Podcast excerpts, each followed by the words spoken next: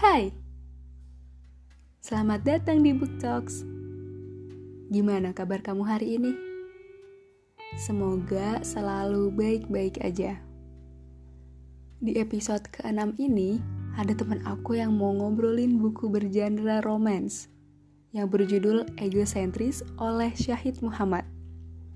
Wah, aku pribadi udah lama banget gak baca buku romance Kayaknya ini bakal masuk ke reading list aku deh, karena topik yang diangkat menarik banget. Yuk langsung kita dengerin gimana reviewnya. Hai semua, salam kenal. Aku Vira. Kali ini aku mau ngobrolin salah satu buku yang ditulis oleh Syahid Muhammad, yaitu Egosentris.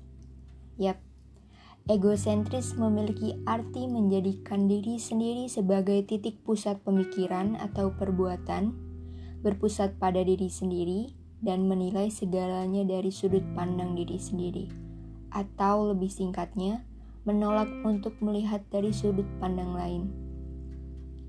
Buku dengan genre roman fiksi ini berhasil membuat aku penasaran dengan jalan ceritanya yang sulit banget ditebak. Buku ini berkisah tentang persahabatan, keluarga, dan sedikit kisah cinta dari tiga tokoh yaitu Fatih, Fana, dan Saka sebagai mahasiswa psikologi. Yang mana di buku ini pun akan mengangkat tema tentang mental illness.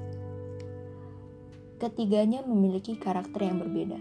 Fatih yang suka mengungkapkan sesuatu secara terang-terangan, Fana yang lahir di keluarga psikolog dan merupakan pendengar baik Fatih, lalu Saka, seorang mahasiswa yang terkenal ramah dan ceria, namun menyimpan banyak sekali masalah.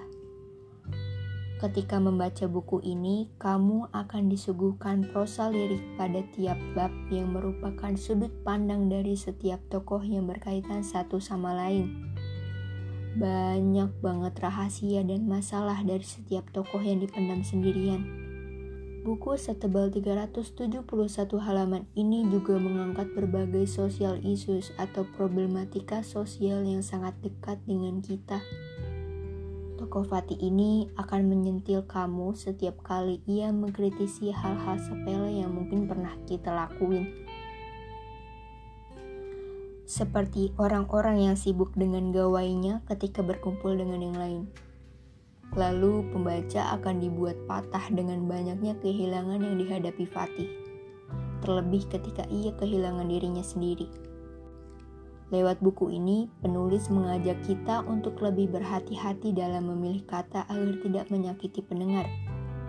Mengajak kita untuk melihat sesuatu dari sudut pandang orang lain bahwa di dunia ini bukan hanya tentang ego kita, bukan hanya kita yang merasa sakit, kita juga harus memahami satu sama lain karena banyak sekali orang-orang di luar sana yang sedang berusaha untuk terlihat baik-baik aja padahal enggak sama sekali. Kita gak tahu apa yang telah orang-orang sekitar kita lewati selama ini untuk tetap terlihat baik. Padahal mereka menyimpan banyak banget rahasia yang kapan pun bisa meledak ketika mendengar perkataan tentang mereka yang tidak ingin didengar. Setiap orang pasti memiliki perspektif dan perasaan yang berbeda. It feels so bad when people make fun of your problems, right? Rasanya pasti gak enak banget kalau masalah kita juga dibercandain sama orang lain. So, please, let's be more careful when you speak.